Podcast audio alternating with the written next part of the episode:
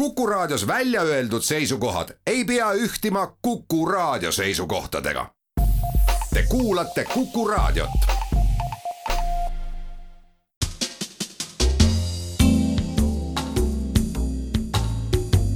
tarkade klubi.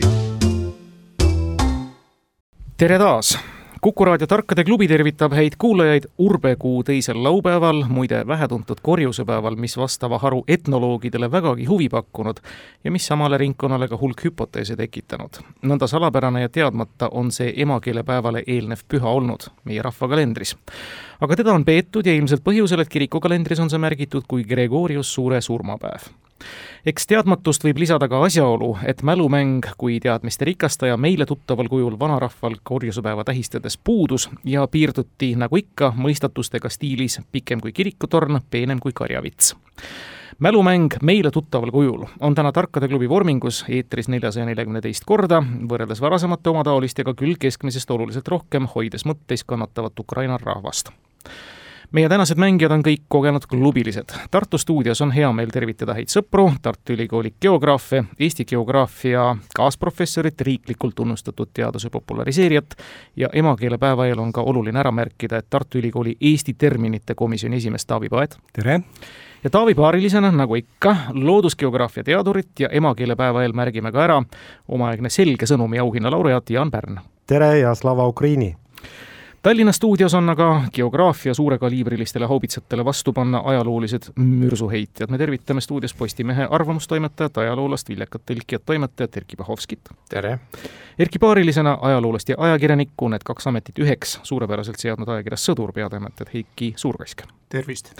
ja suur tänu, et te olete meiega. meiega on ka kümme küsimust, mis täna on jaotunud järgmistesse teemadesse. ühe teema oskas Jaan juba välja öelda, see on Slava Ukraini ajalugu, geograafia loodus ja Vaariam. küsimuste autorite ring on täna rõõmustavalt lai. alustades mõistagi Kivimäe kooli ajaloo ja ühiskonnaõpetuse õpetajast Margus Pillaust, jätkates Ingliranna patrioodit Enno Sivadi, raadiokuulajate Lauri Laanisto ja Janar Tiirojaga ja ka siinkõneleja Timo Tarve. alustame ja anname avavaliku õiguse Tartu duole. Jaan ja Taavi, palun no esimene küsimus on alati, et kas mängida palli või vastast. et noh, ajalugu ja võib-olla ka Ukraina võib ka ju olla noh, selline ajaloo teemaline. no aga ikkagi, sa arvad, et jätame geograafia? ma räägin, et, et see oleks palli mängimine. ei, ma saan aru, aga küll see geograafia tuleb, noh, nad vastavad valesti ja okay. siis me saame aga lähme siis Ukrainaga. jah. Slava Ukraini, esimest korda sellisel kujul see teema saates ja ma usun, et ei pea põhjust selgitama, miks ta sellisena saates on.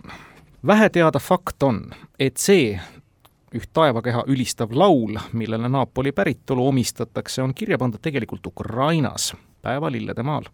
täpsemalt aastal tuhat kaheksasada üheksakümmend kaheksa Eduardo di Capua poolt Odessas, kui noor helilooja viibis oma isa ansambliga sel linnas kontsertreisil. mis laul, võite ka laulda? no mul tuleb kohe pähe O sole mio ja Andrea Bocelli jätkab välk vastus, tõepoolest see on Ossole mio, oh minu päik. Tartu suurepärane laulu tundmine on meile teada juba tegelikult Beatlesite mänguaegadest, nii et tuld. palun, Erki ja Heiki, teie lauluoskust ma proovile ei pane jah, ei maksa nüüd kuulajaid raadio juurest eemale peletada, et aga ma ei tea, võtame sellesama Ukraina edasi, siis on sellega ühel pool või? okei okay.. teeme nõndaviisi ja Slava Ukraini teine küsimus. Ukraina võrratu kulinaaria on maailma tipus üsna mitme, tõsi küll, subjektiivse näitaja poolest näiteks kas maailma maitsvaim borš või vareenikud, mis on sellest suurest riigist pärit. objektiivsemad on vast teadmised sellest, et Kiievi McDonalds oli omataoliste hulgas maailma kõige enim külastatavam. või seegi, et Lvivis on suhtarvuna kõige enam kohvikuid maailma linnadest, üks tuhande viiesaja inimese kohta. vaidluse alla pole seatud ka fakti, et just see mittealkohoolne jook on just Ukrainas tarbituim ja me küsime, milline jook Hispaanias kutsutakse seda bebidaks, vana vene keeltes aga uzvar ja vzvar. Nõukogude ajal elanud väidavad, et mis tahes selle suure riigi avaruste otstes maitses see jook alati täpselt sama maitsega. ja ka Šuriku säravatest seiklustest on antud jook suisa kultustsitaadina alati teadjate seas tsiteeritav. ja ma mõtlen, et nojah, Šurikus seal on muidugi äh, igasuguseid kuldseid tsitaate, aga seal joodi küll jah, et äh, no Šurikus olid need gaseeritud veeautomaadid olid Šurikus ja seal ta jõi ka pudelist mineraalvett ja jõi ka lihtsalt vett muidugi. et see on nagu esimene asi, mis tuleks nagu pähe. aga mis siin siis veel on nagu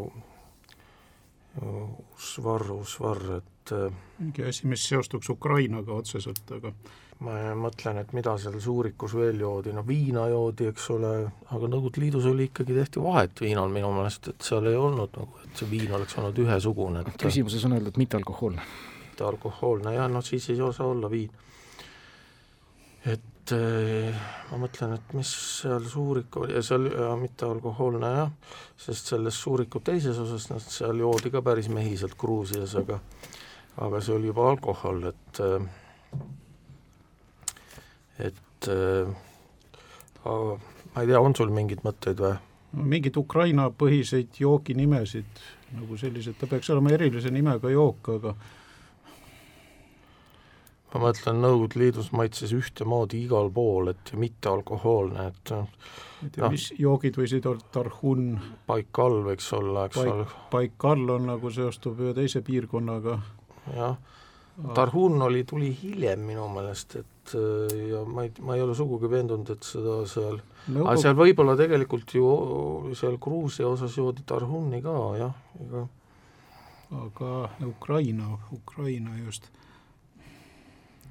Et äh, jah, et ma mõtlen, et ega siin nagu mingisugused äh, mis oli igal pool Nõukogude Liidus ühesugune, mineraalvesi tegelikult ju ei olnud, oli erinevaid, on ju, et ja ja ma ei tea siis, mis see siis võib olla huvitav, et äh, ma, aga ma ei mäleta, et Suurik oleks olnud Tarhuni, ta oli Gruusias küll, et see oli küll jah, aga ma see lihtsalt ei tule nagu ette praegu, et see on minu ainuke pidev, pidev punkt, et mulle need nagu need keelelised nimed ei ütle nagu midagi, et et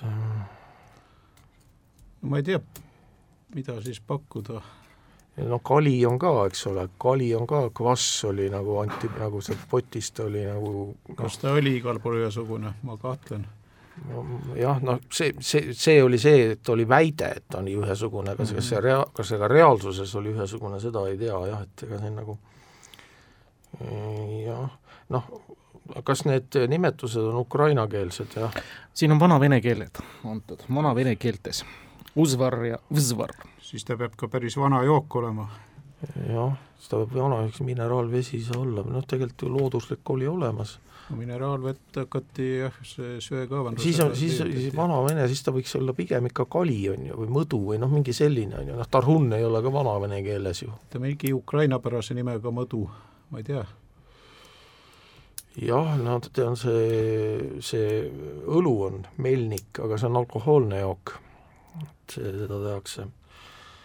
ma ei tea, siis no Suurikus ei saa olla mõdu, see on nagu välistatud see peab olema ikkagi kali siis, noh, mis see, mis see muud saab olla siis, noh. no ilmselt punkti ei saa, aga pakume selle.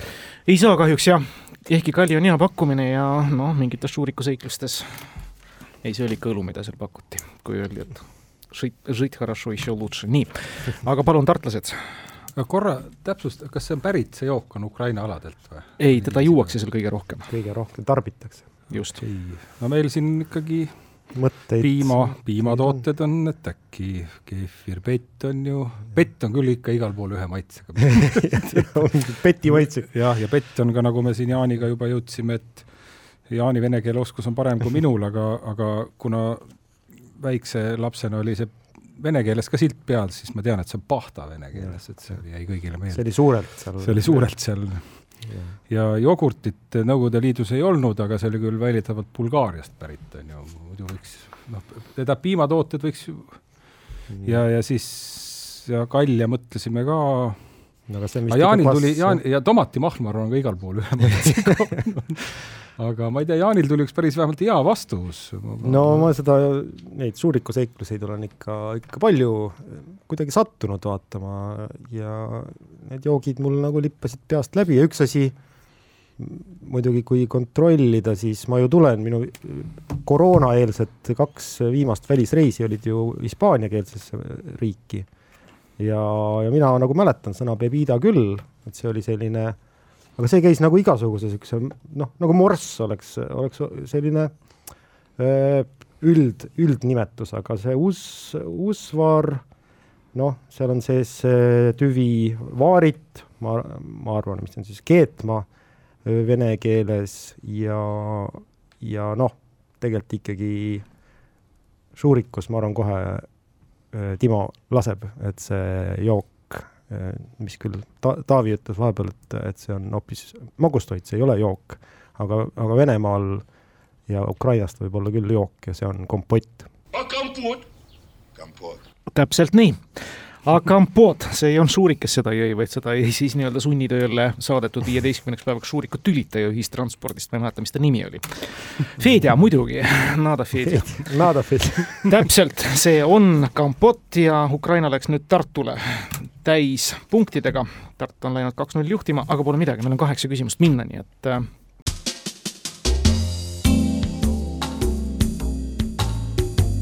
tarkade klubi. Te saate valida, mängime vastast äh, edasi ja ajalugu. nii, põrutate ajalugu ja küsimus kõlab. liiga pruun, ütles Mart Laar resoluutsel toonil tuhande üheksasaja üheksakümne teise aasta Riigikogu valimiste järel, kui Isamaa endale koalitsioonikaaslase otsis ja ühe võimaliku variandina Jüri Toomepuu juhitud parempopulistliku valimisliiduga Eesti Kodanik kokkulepe kõne all oli kõike seda on üks tolleaegsetest manulistest Mart Soidro ilmekalt kirjeldanud. kas teate aga, miks tänaseks üldistavaks metafooriks kujunenud väljendit pruun omal ajal Saksa natside kohta üldse kasutama hakati? taust on siis selline, et Esimese maailmasõja järel oli Reichswehri ladudesse rohkelt eriotstarbelisi pruuni mundreid jäänud, mille Hitleri partei omaaegsed rünnakrühmad ehk siis Ernst Röömi juhitud SA peagi omandasid. küsimuse tuum ongi selles, et mis nende eriotstarve oli olnud. vastus on Saksa keisririigi kõikjal maailmas avaldunud võimsuse ja mõjuga seotud. miks Mm. läks siis esimese ilmasõja aegu lattu vedelema jäänud pruuni rõivaid vaja? on siis nii-öelda küsimus üldist. jah, põhimõtteliselt lõppküsimus oli, et miks olid miks olid Saksa ladudes Esimese maailmasõja järel pruunid särgid? Ja ma ei tea, see ja see kõik, mis seal Timo vahele rääkis, see ei puutunud üldse. see on harimiseks, harimiseks. jah, jah, ja, ja äh, pruun. sõda, sõda, no iseenesest hüübind äh, veri on punakas pruun, aga aga no, no see viitab nagu sellele, et, et see pruun oli ikkagi mingi asja pärast, noh, ma ei tea, et Mhm. umbes, et kui sa kõrbes oled, et siis noh, sind ei nähta. Või no, noh, mingi kaitseriietus kaitsevärv, ja, ja aga, aga tegelikult ikkagi vihje ju oli, et need särgid vedelesid äh, seal. Ja need vist ikkagi, kui ma mundrid, mõtlen, siis mundrid, need mundrid. mundrid. lausa, et noh, pruunid mundrid. jah, massiliselt pruuni mundrit, kas äh, muidu ju mundrid olid kõik ju käigus, tegelikult ju rahvas oli totaalses sõjas, nagu praegu kaks äh, meie n- naaberrahvast on, aga olid mingisugused mundrid, mis ei olnud käigus. ehk siis küsimus ja, ja vist, äh, kui ma ei eksi, siis Saksa munder ju ei olnud äh, muidu pruun. ehk siis kas loogika on see, et on, oli mingisugune noh, sõja, sõjaväe üksus, mis ei läinud, jah, jah, mis ei läinud käiku, aga siis kas Millele? valmistuti millekski no ratsavägi oli olemas, Olemas. ja, ja, käigus kindlasti. näiteks, et noh, üks mõte midagi, midagi kõrbes, sest Esimese maailmasõja ajal noh, kõrbes äh, iseenesest ju, ju toimus see Lähis-Idas, noh, see oli muidugi väikesed la- lahingud võrreldes, võrreldes muu maailmasõjaga. aga mingi muu, see, see verevärk mulle korra, noh, et midagi mm -hmm. sinnapoole, et mingi praktiline väärtus, et miks, miks oleks pruun nagu no seal peal kindlasti veri ei paista silma. ja samas no selge, et mundrit ei ole mõtet teha kriiska punast, et see, kunagi tehti veel vähe, tolleks hetkeks vähem kui sajand või vähe, isegi viiskümmend aastat varem Preisi Prantsuse sõjas olid prantslased särav, särav punases et äh, aga noh, esimeseks maailmasõjaks oli juba palju arenenud see sõjandus. oh, aga meil ei ole ikkagi head ühtegi no vastust jah, kui noh, see on ka muidugi mingi, mingi vastus, et on, on seotud verega või et, et veri sõjaväe või et ei, ei viiks moraali alla, kui kui palju verd yeah. vool, voolab äkki, äkki ne, nendel, kes, kes verd äh, ei kannata vaadata, et saaksid ka sõdida. Yeah.. nojah, must, must huumor, aga, aga midagi noh, kui, kui mõelda, noh, et tõesti veel keemiarelv oli täiesti käigus, et, et ma ei tea, kas midagi, midagi kõrbe, et ikkagi, kas ei, ei, ei valmistutud ühel hetkel sõdima äh, oota, aga kas ikka, aga esimeses maailmasõjas ikkagi, kas olid veel, sakslastel olid juba tankid ka mingid olemas ju? E, nad tulid küll inglastel, aga noh, kuna see jällegi tuhat üheksasada viisteist vist inglased Sommi lahingus e, neid rakendasid ja esimesed tankid ei olnud ka tehnoloogiliselt mingid erilised leiutised, see oli, oligi lihtsalt nagu nimi ütleb, ratastele pandud mahuti, et äh, ma arvan, et Saksa tankid olid aga jah, sõja lõpuks. vormistame umbes midagi sellist, et see oli mingi väeüksus, mida me ei suuda välja mõelda, väeliik, mida me ei suuda välja mõelda, aga noh, seda tegelikult Timo küsibki umbes peaaegu. või on seal mingi või, või annab pool punkti selle eest, sest äh, kui see on nii, et me lihtsalt et, ei äh, et jah, et see on mingi, mingi väe, väeliik, mis, äh, mis sõtta ei jõudnud nii, ma ikkagi kuulan ka ajaloolasi ja siin on ka üks militaarajakirja toimetaja. no ütleme, et militaarajakirja toimetajast siin väga palju abi selles suhtes ei ole, aga, aga ütleme, kui ajastust rääkida, siis eh, pärast esimest maailmasõda Saksamaa oli äkitselt kolooniatest ilma ja ma arvaks, et, eh, et sellega seoses võis sõjaväe lattu jääda ka väga palju eh, asju, mis näiteks olid mõeldud äh, ma küll täpselt ei tea, aga ma arvaks, et kas koloniaal mingitele võimuametnikele või siis koloniaalarmeele. nojah, koloniaalarmeele nad lootsid ju hõivata ja pidasid ka lahinguid tegelikult ju Aafrikas nende kolooniate juures, et noh see on hiilgav ja täpne vastus, mis siit tuleb, mistõttu täispunkt läheb ikkagi Tallinnale ja Tartule ma ei saa ka poolt anda. see oli täitsa nõus. liiga sõjaudu, see oli väga täpne. Need olid tõesti Aafrikas sõdimiseks mõeldud, sealsetel maastikel on pruun kaitsevärvus mm. -hmm Saksa keisririigile olid Mustal mandril kolooniateks noh, teame Edela-Aafrika ehk nüüdne Namiibia ja Ida-Aafrika, põhiliselt tänapäeva Tansaania, suurepärane teadmine. nii et sedakorda taktika, sõbrad, andis nüüd punkti ajaloolastele, siin palun, Heiki Erki, te saate ka valida no mis siis meie võtame, võtame nüüd geograafia või? võtame, võtame. no nii, see sobib hästi ja selline omamoodi kurling läheb siis lahti.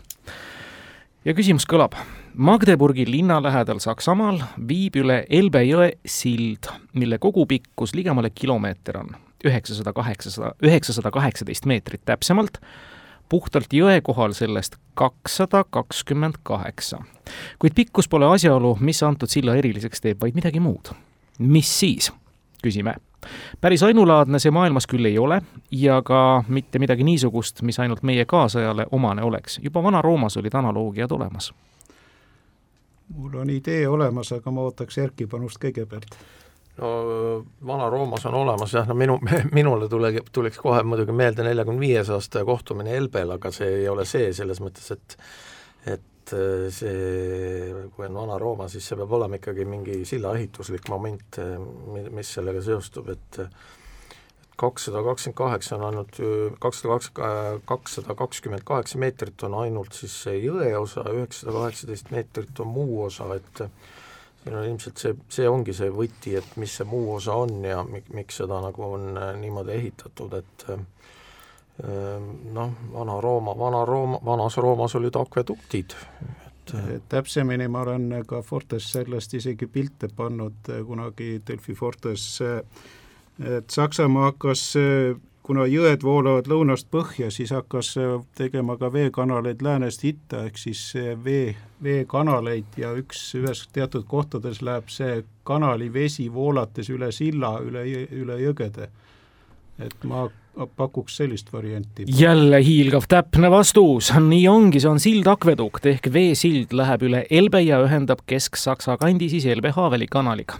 no ma usun, et tartlastel oli ka see nii-öelda elementaarne teadmine juba olemas mul jah, lauas mm, -hmm. lauas oli. just.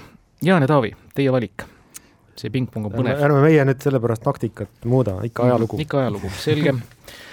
ja ajaloo küsimus, teine tuleb Tenno Sivadilt. Küsib ta järgmist. ühel NLKP kongressil oli esinejate seas ka NSV Liidu Teaduste Akadeemia president Anatoli Aleksandrov tema sõnavõtt üllatas ebameeldivalt ühte rajoonikomitee sekretäri, kes teatas kuluaarides, et Aleksandrov ainsana näitas üles lugupidamatust kongressi vastu. Selle järelduse tegi rajoonikomitee sekretär, jälgides Aleksandrovi kõnet ja täheldades silmnähtavat erinevust kõigist teistest samalaadsetest nähtud ja kuuldud kõnedest. milles see erinevus väljendus, kõlab küsimus kahe tuhande neljateistkümnenda aasta sügisel, kui Eestit külastas Barack Obama, sai seda erisust ilmselt laiem üldsus siingi esmakordselt näha, aga see oli siis fiktsioon. üks asi, mis mul Prom-, prompteri kasutamine. jah, aga kas juba, mis aasta see Aleksandrovi kõne võis olla, no NLKP ajal? jah, NLKP ajal. ei, lihtsalt see, et, et ta, ta luges, ta luges, ta luges peast, see, mida mida paljud Eestiski arvasid, kus Barack Obama luges Underit peast. täpselt tegelikult... nii, see ah. nõndaviisi oligi, Aleksandrov esitas kõne peast ega lugenud paberilt maha, nagu üks korralik parteilane pidanuks tegema ja sellest järeldas siis rajooni parteikomitee sekretär, et Aleksandrov ei olnud viitsinud oma kõnet ette valmistada. improviseeris, improviseeris dekadentlikul moel sõbrad, meil on pool mängu läbi ja me oleme kõikidele küsimustele saanud seni vastused, mida on tore tõdeda. kolm-kaks Tartu juhtimisel jätkame Heiki Herki. ma seekord ei tahaks seda geograafiat võtta, aga loodust ka ei taha, et jääb, jääb vaaria äkki või? no võtame vaaria. kas see oli vaaria või paaria? see on vaaria ja kuulaja Lauri Laanisto on saatnud meile hulga küsimusi, milledest üks nüüd kõlab vaaria rubriigis. üks Ameerika Ühendriikide rahadele tähel olev inimene on sündinud täpselt samal päeval kui ka üks Ühendkuningriigi rahatähel olev inimene. nimetage need kaks. samal päeval? jah, täpselt aga mitte päeval. samal aastal? täpselt samal aastal ka. okei okay.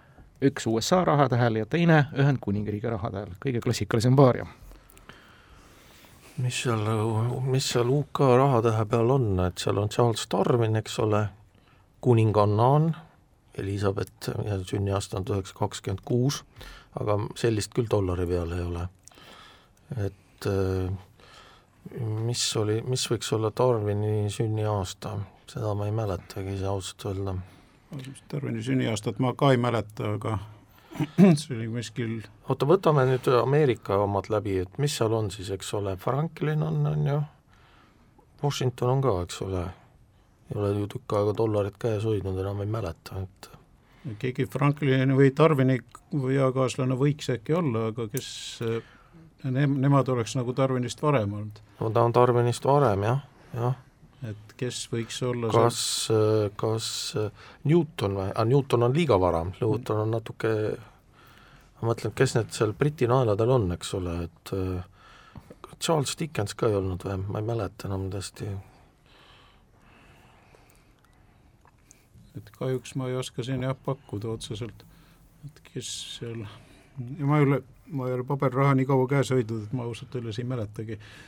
jah, ma mõtlen, et jah, Newton on liiga varane, Newton on juba enne USA ajalugu ju, et see, see ei saa olla, et et see, see peaks olema jah, sealt kuskilt Franklini kandist, noh Franklin, mis ta oli siis, eks ole, sünniaasta oli mingi kaheksateistkümnenda sajandi keskpaika, umbes nii, on ju ja nüüd mõelda siis samasugune inimene nagu Ühendkuningriigist välja. Nelsonit ei ole kuskil raha peal? Nelson võiks olla muidugi jah, et äh, Nelson Trafalgari lahing tuhat kaheksasada üks, eks ole, noh, ta võis olla sündinud umbes siis, et äh, vist oli tuhat kaheksasada viis see lahing. või kaheksasada viis jah, jah, ma olen segamini. aga tuhat seitsmesaja kuuekümnendad, seitsmekümnendad. No Franklin oli siis, Franklin oli selleks ajaks liiga noor ju, Franklin ju nojah, mõtleme veel mis siis on seal veel, no Dickens ja Dickens on jälle natuke sealt edasi. Adamseid ei ole USA rahade peal? peaks olema, aga ma ei, või Jefferson ka. Jefferson, Jefferson, no näiteks. ja Edison on ka äkki kuskil seal selles galeriis või? Et äh, ega noh, ega siis palju neid USA rahatähti saab olla, neid inimesi ei saa ju lõputult olla, eks ole, ühedollariline, kahedollariline viie, kümne, kahekümne, viiekümne ja sajane. viiesajaseid ju enam ei ole, noh, ega sealt inimesi ei saa lõputult olla ju. no ütleme, kui mingi Jeffersoni eakaaslane otsida Inglismaalt mm,. jah. kas Nelson ja Jefferson näiteks on variandid või? pigem siis juba Franklin, ma arvan, et siis ikkagi Franklin või? no Franklin on varem, varem siis peaks leidma kellegi Inglismaalt samasuguse samalt ajast kui Franklin. nojah, ega nagu no ma ei tea, siis ega siin nagu mõisa peal ei ole võib panna seda sinu variandi ka, et Nelson ja Jefferson või? Nelson ja Jefferson, mõlemad on valed kahjuks. nii, ja nüüd vaatame tartlastel, kellel on dollareid või naelu luhtitada ei, need, need reisid on jäänud ka juba kaugemale, aga Küsi, küsijat tuleb vaadata. ma nüüd mängiks jah, isegi mitte, mitte vastast, vaid lausa küsijat, et Lauri Laanisto, no kui nüüd nimekaim ei ole, siis ei peaks ole. olema ju, ju leiba teenima ökoloogina. see on. siis nagu noh, siin on nüüd kaks varianti siis, et kas see huvi tal Inglise rahatähtedel olevate isikute vastu tekkis sellest, et ta vaatas, et äh, siin on lisaks Darwinile veel huvitavaid nägusid või siis sellega piirdus, selle Darwiniga. ja äkki lihtsam on eeldada, et, et ikkagi, ikkagi piirdus, sest et inimestel noh, aeg on piiratud. ja siis, äh, siis jah, nüüd oleks vaja teada siis, et millal Darwin on sündinud minu meelest äh, noore mehena seal Piiglil, kui ta sõitis, kas see oli umbes tuhat kaheksasada kolmkümmend viis ja mis tol ajal see noor tähendas. ehk siis kusagil seal üheksateist sajandi algusesse vast ikkagi jääb äh, see sünniaasta ja siis hulk neid, äh, noh, neid founding fathers või, või asutaja tegelasi jääb siis välja Ameerika, äh, noh, kes tegutsesid ju enne, kui äh, väike Charles oli sündinudki. aga paar tegelast siis jääb nagu Lincoln ja Jackson, kes nüüd ütleb, et millal nemad täpselt äh, kas USA rahatähtede peal vist on ainult ikkagi presidentide järgi seal, et seal vist ei olegi seal ei vahetu jah, sest et need, äh, selle Inglismaa rahatähtedega ma isegi mõtlesin, et ma tean, et hiljuti tekkis sinna Jane Austen, noh umbes viis aastat tagasi või ja Võter ütles, et USA-l äkki ongi ainult presidentide ja, ja, ja see on pi piiratud ka. et seal ei saa tulla keegi noh, millegi muu poolest ja,. jah, jah. kuigi oot, mul tuligi praegu pähe, et kas mitte Lincoln, kas ta on üldse dollari rahatähe peal, sest et ta on kindlasti kahekümne viie sendisel, aga praegu dollarit Lincolni pildiga mul ei ole dolla-, mul ei ole dollareid. siis see aeg on meil möödas, Venemaal tuleb see, läheb dollareid vaja kohe, aga aga meil on, jäi see kolmekümne no, aasta taha. paneme ikkagi või siis see Tarvin on see... väga ilus ja teisalt pane siis, kes sul seal Andrew, Andrew Jackson ja Charles Darwin. pool punkti. juba hakkas looma, loogika oli kõik paigas, tõepoolest ökoloog Laanisto küsib Charles Darwinit, see on tuhat kaheksasada üheksa, kaheteistkümnes veebruar, aga teine pool punktist jäi nüüd lauda, see on Ameerika Ühendriikide president Abraham Lincoln ja Lincoln on siis USA viiedollarilisel rahatähel, samuti ühesendisel mündil. Darwin oli ajavahemikul kaks tuhat kuni kaheksateist kümnenaelasel rahatähel ja nagu Jaan väga hästi teab, vahetati välja Jane Austeni vastu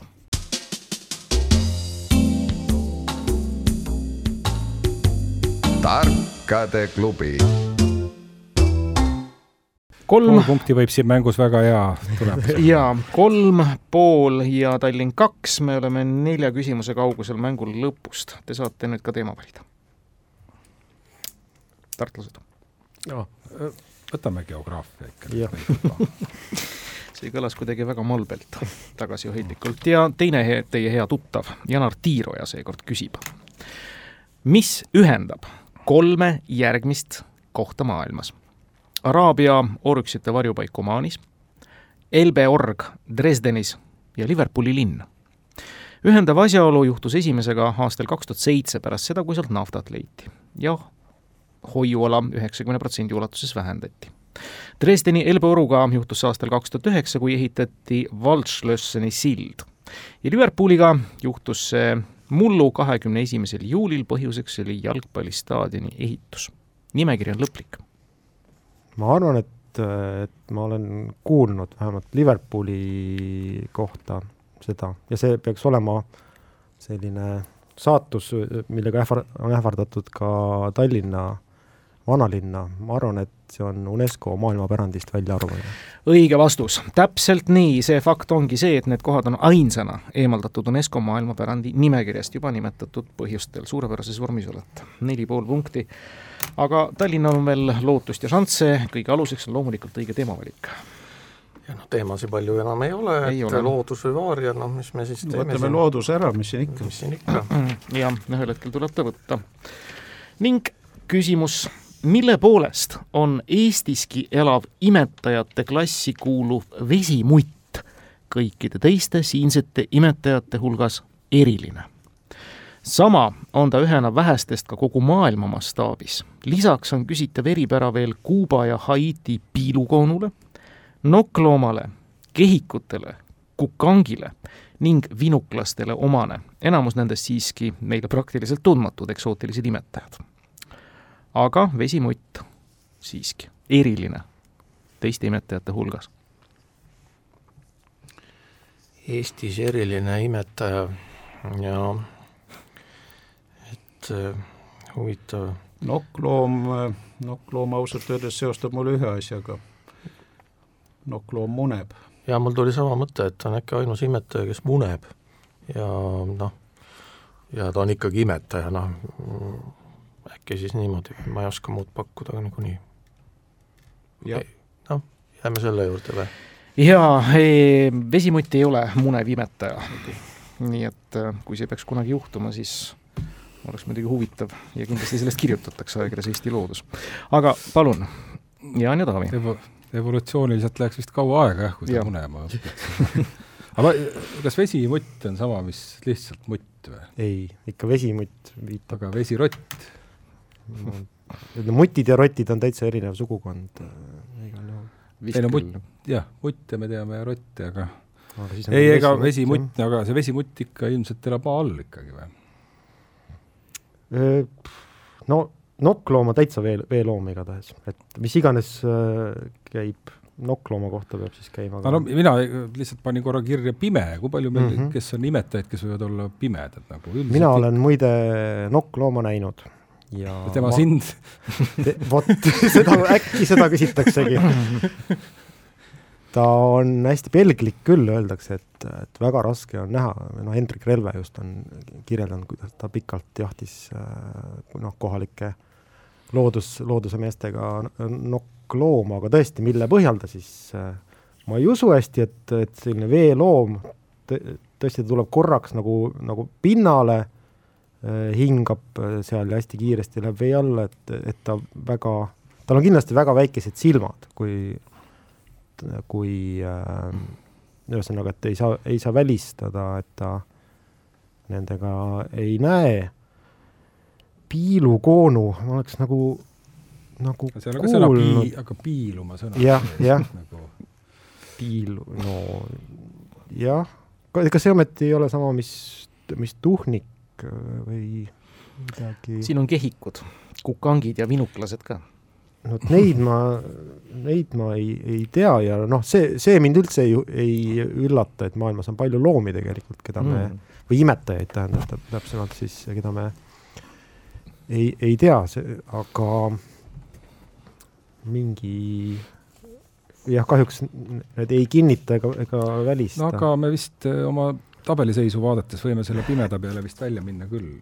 pakume, et nad näevad väga halvasti. Ei ole ka see õige vastus mm. ja vastus võinuks olla siis ikkagi välja tuletatav, kui teaks seda fakti, et need on mürgised imetajad. tavaliselt on mürgikannused on just äh, nimelt nok-, nokkloomal. tavaliselt on mürgine ikkagi siis nende hammustus või torge või kuidas me seda nimetame mm. -hmm. muide, paradoksaalselt ei ole piilukoonud näiteks enda liigi mürgi suhtes üldse immuunsed ja isast mhm. omavaheliste mm mõõduvõtmiste käigus võivad hammustused teistele isegi väga ohtlike tagajärgedega olla. nii et vesimutt on mürgine, olge hoiatatud. Ja, ja on edaspidi, kui nokklooma näed, siis tead ka. aga kas sa, kas sa oskad öelda meie küll loodusteadlastena, kus me Eestis vesimutti näeme siis? mina olen minna? vähem loodusteadlane kui teie, mistõttu ei oska. et need, mis hunnikuid teevad, need ei ole vesimutid mm,? jään ka vastuse võlgu. aias jah. mis hunnikuid, mis hunnikutest täpselt jutt käib? mutimulla hunnikuid äkki. aa mm, -hmm. aga nüüd ma mõtlen, Jaan ja Taavi peaksid saama valida nüüd, kas loodust või vaariat lõpetuseks. Ikka veel on midagi valida, no võtame vaaria. ja vaaria küsimus üheksateistkümnenda sajandi Prantsusmaa kirjaniku Alphonse Daudet mälestuste raamatus Kolmkümmend aastat Pariisis on lõik, kus ta ühe oma näidendi lavastamist ühes teatris meenutab. Etendusasutuse direktor, kes võimaliku vähese publiku huvi pärast muretses, tegi ettepaneku, et lavastuse võiks tamburiinimängijast tegelasele üles ehitada ja sellest lahendusest saaks midagi, mis rahva kindlasti kokku toob millist metafoorset väljendit teatridirektor aga taolise vaatajaskonna magnetiks olemise kohta täpsemalt kasutas? Todee tollal palju loetud raamatust levis küsitav rahva hulka ja kui peagi maailmanäituse tarvis Eiffeli torn püsti pandi, hakati sedagi kogu ekspositsiooni kontekstis sama sõnaga kutsuma. ka meie jaoks tänapäeva eesti kõnekeeles on vastav väljend suhteliselt harjumuspäraseks muutunud. siin tuleb nagu kaks kaks mõistet juba pähe, noh, üks oli nagu klaköör ongi, aga kas see on harjumuspärane? ei, seda vist ikkagi eesti keeles ei saa Väga... öelda. no öeldakse klaköör küll. no eks ehk pla-, palgaline plaksutaja. no see Ühtse Eesti Suurkogust said paljud teada esimest korda. jah, ja see on ikka poliitikas näiteks, käib aeg-ajalt läbi et võib-olla ma otsiks mõnda lihtsamat sõna ikkagi. no on sisseviskaja, aga see juba tamburiiniga, minu meelest see klaköör nagu olekski onomatopea juba sellest trummi tagumisest või tamburiini tagumisest, et et klakk-klakk seal käib ja no kas sa kiiresti saad veel lugeda? jaa päris..., niisiis, Todee meenutab siis ühe oma näidendi lavastamist ühes teatris etendusasutuse direktor, kes oli mures vähese publiku huvi pärast, tegi ettepaneku, et lavastuses võiks üles ehitada siis tamburiinimängijast tegelase peale ja sellest lahendusest saaks midagi, mis rahva kindlasti kokku toob. ja teatridirektor kasutas ühte metafoorset väljendit taolise vaatajaskonna magnetiks olemise kohta ja millist me küsime ja Todee palju loetud raamatust levis küsitav sõnaga rahva hulka ja kui maailmanäitus püsti pandi, Eiffeli torn selle tarvis, hakati sedagi kogu ekspositsiooni kontekstis sama sõnaga kutsuma. Ja eesti keele kõnekeeles on vastav väljend suhteliselt harjumuspäraseks muutunud. aa, siiski jah, see on võib-olla publiku magnet. midagi sel-, jah, jah. ja, ja. paneme publiku magnet. ei ole publiku magnet, aga mõte jääb samaks. nii hmm ja no ma mõtlesin ka, noh, minu prantsuse keele oskus on pehmelt öeldes lünklik, aga aga, aga noh, klaköör nagu Eiffeli torni kohta nagu, väga hästi nagu ikka ei ütle ju. Nagu loogiliselt, aga mis, mis need prantsuslikud väljendid on seal, eks ole, on ju ka mingi hüper ja, ja nii edasi, et äh, ma ei tea jah, et mis võiks olla publiku magnet, tea, prantsuskeelsed sõnad burlesk, cancan, ma ei tea, kas striptiis on ka prantsuse päritoluga? Ei, striptiis on tegelikult ju kahest sõnast, eks ole, strip ja tiase, eks ole. nagu Inglismaalt tulnud pigem nagu inglise keelest, aga aga, aga üks, üks variant, mida ma siin nagu mõtlesin ja mis ka tartlased tegelikult ütlesid, on ju see, ongi trummi löömine, noh selles mõttes, et trummi lööma, noh, et äh, mingisugust asja rõhutada, esile tuua. see on nüüd eesti keeles küll päris palju levinud, et äh, lööme mingi asja ümber trummi on levinud et ja kui siin meenutada veel tamburiini, et et noh, see võib olla ka mingi peene prantsuskeelse sõnaga öelduna jah, et Eesti keeles on küll ka levinud lokku lööma, aga ei see, nojah, aga see mõte jääb samaks või ma ei, ma ei tea, noh et tamburiin, noh tamburiin ja mis siis seal veel võivad olla, esinejad tea-, teatris, eks ole, noh äh, kankaani tantsima, no see ei ole eestikeelne väljend ikkagi, et eh, nii-öelda mingis muus kontekstis, et et eh, jah, no ma ei tea, ma paneme siis, arvan, et sinu variant on parem igatahes. noh, paneme trummi lööma. ei ole ka see, aga veel kord, mõte oli õige ja noh, nii-öelda sünonüümidena kõlbavad kõik. see on nael, õhtunael näiteks selles kontekstis. no Eiffeli torn sobis ka väliselt väga hästi ekspositsiooni naelaks Mhm. Nõndaviisi ongi, et me lõpetame täna siis loodusega ja loodusküsimust saab kuulda esmalt siis Tallinna Looduslembene paar. ja taaskord meie sõber Lauri Laanistu õigemini Tartu sõber Lauri Laanistu küsib. juhul, kui üks inimene on viimase poole sajandi vältel vaktsineeritud, ükskõik mille vastu, siis on enam kui kindel, et seda vaktsiini on testitud ka ühe konkreetse loomaliigi verest eraldatud valgu peal täpsemalt kontrollitakse selle loomaliigi verega kõikide igal aastal toodetavate ravimipartiide toksilisust. selle tarbeks püütakse igal aastal ligemale nelisada tuhat selle loomaliigi isendit, kellelt võetakse verd ja seejärel lastakse nad loodusesse tagasi. selle loomaveri on eresinist värvi ja see loom on ligemale nelisada viiskümmend miljonit aastat vana ehk umbes poole vanem kui kõige varajasemad dinosaurused mis loom see selline on? sinise verega kalmaar, ei. jah, kalmaar on ju, aga kas kalmaar on nii vana, et äh, evolutsiooniliselt võib küll olla, et nagu Jah. suhteliselt vana.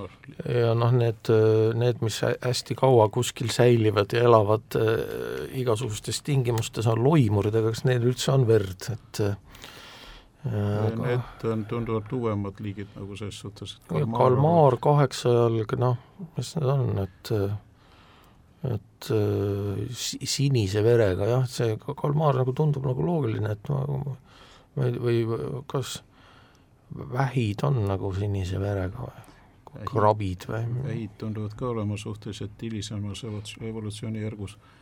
või, või meduus või need on kuskil seal hõljuvad seal, see püütakse nelisada tuhat isendit jah, noh, sinise verega, ikka kalmaar. no ikka noh, ega me ei tea loodusest ju midagi, et, et siis pa- pa- pakume siis kalmaar, jah.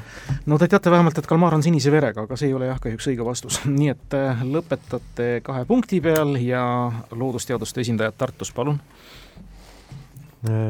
Pae, sina õpetad neid, millal oli Devon ja, ja Ordoviitsium ja mis ajastu see nelisada viiskümmend miljonit on? jah, ma olen ju tudengitest ühe loenguga ees kogu aeg. aga see loeng pole veel tulnud, jah? aa, no aga see on aga hästi ammu, ammu küll, ikkagi lähme, nojah, kas me läheme Devonist kaugemale?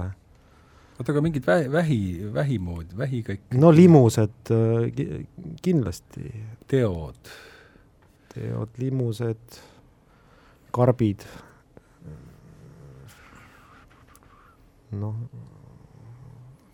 kalu näiteks, oota, Devonis olid rüükalad, kalad on nagu aga hakkavad aga, tulema, aga, aga see nelisada tuhat, tuhat isendit. No seda peaks ikka nagu jalaga segada olema kuskil nagu ja kelle, kellest ei ole kahju ka üldse, jah. Need lastakse vette tagasi. Aa, ikka on kahju, aa, siis on, et selle, selle eetikakomisjonist on luba saadud, et, et selle katse käigus ei hukatud ühtegi lastakse loodusesse tagasi.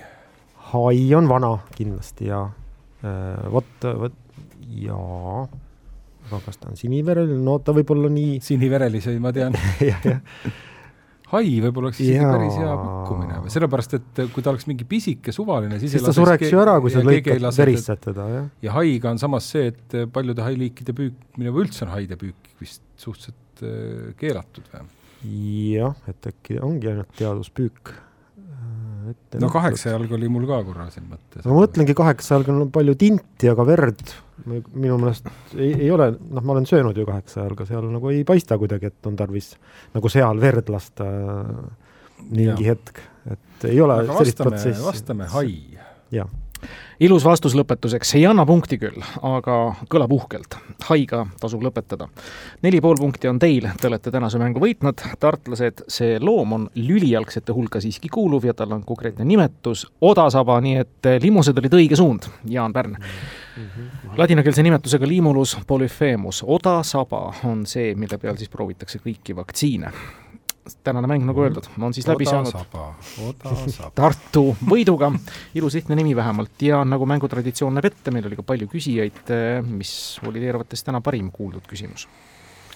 seekord vist äh, neid oli vähe, mis jäid vastamata, et nende seast, no see mürgine jäi vastamata vist, ega see kõige halvem no küsimus see on tõesti huvitav küsimus. muidugi, muidugi, muidugi, ma arvan ikkagi, et ega me võime ju valida ikkagi nende hulgast ka, mis muidugi võite.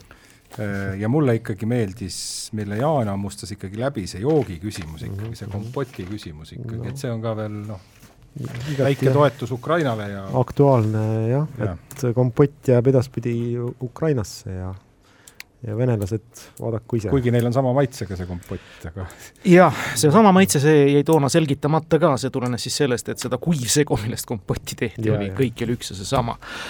Aga siis eh, kompott ja võib-olla siis ka mürgi nimetaja, kelleks on siis vesimutt. Tallinn nõustub vaikides. ega midagi, aitäh teile, Jaan-Taavi Tartusse, aitäh Heiki Erki tänase mängu eest Tallinnas. ilusat peatset kevadet ja taas kuulmiseni. head päeva.